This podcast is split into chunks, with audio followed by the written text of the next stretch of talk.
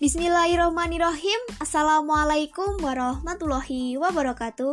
Halo, perkenalkan nama saya Ninda Safera Fisti Hepiana Saya mahasiswi dari Universitas Ahmad Dahlan. Nah teman-teman kembali lagi nih ke podcast dengan tema yang masih sama yaitu tentang sastra. Pada kesempatan kali ini saya akan membahas tentang syair. Bagaimana teman-teman? Apakah sudah mengetahui apa itu syair? Jika belum, mari kita simak. Nah, syair adalah kesusastraan Melayu yang lebih mengarah kepada puisi. Syair merupakan media untuk mengungkapkan isi hati, peristiwa, kejadian, ataupun perasaan. Syair sendiri datang dari Persia, muncul ke Indonesia bersamaan dengan Islam. Dengan berbagai makna yang diberikan dari penyair, yang disesuaikan dengan pemahaman pembaca agar dapat bermanfaat.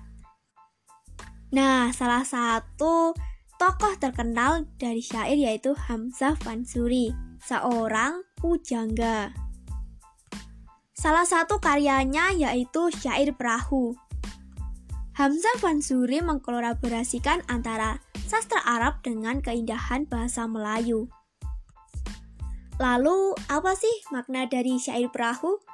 Syair perahu sendiri memiliki makna memperbaiki tujuan hidup manusia sampai di akhirat dengan beribadah, beriman, beramal soleh, tawakal, sehingga Allah akan mempercepat untuk meraih tujuannya. Seseorang perlu menyiapkan bekal, baik mental maupun spiritual, karena di dalam perjalanan banyak sekali rintangan dan godaan.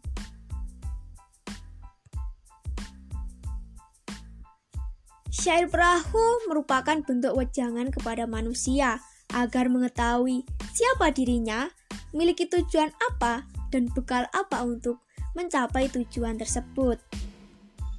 Lalu, seperti apa sih syair perahu itu?